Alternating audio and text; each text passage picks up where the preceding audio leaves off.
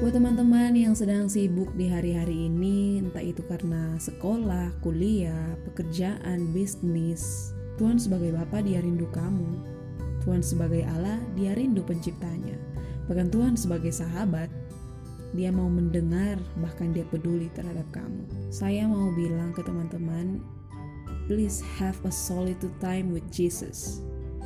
Tolong ada waktu sendiri bersama dengan Yesus Tuhan tahu kamu sibuk.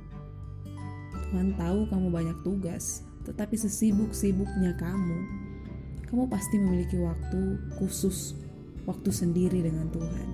Milikilah waktu sunyi bersama dengan Tuhan. Milikilah waktu sendiri dengan Tuhan. Karena waktu sendiri dengan Tuhan, itulah yang akan membuat kamu bertahan di hari-hari ini. Waktu sendiri dengan Tuhan, itulah yang akan membuat kamu mengenal Dia semakin intim lagi. Terima kasih telah mendengarkan podcast yang singkat dari House of Prayer. May God bless you all.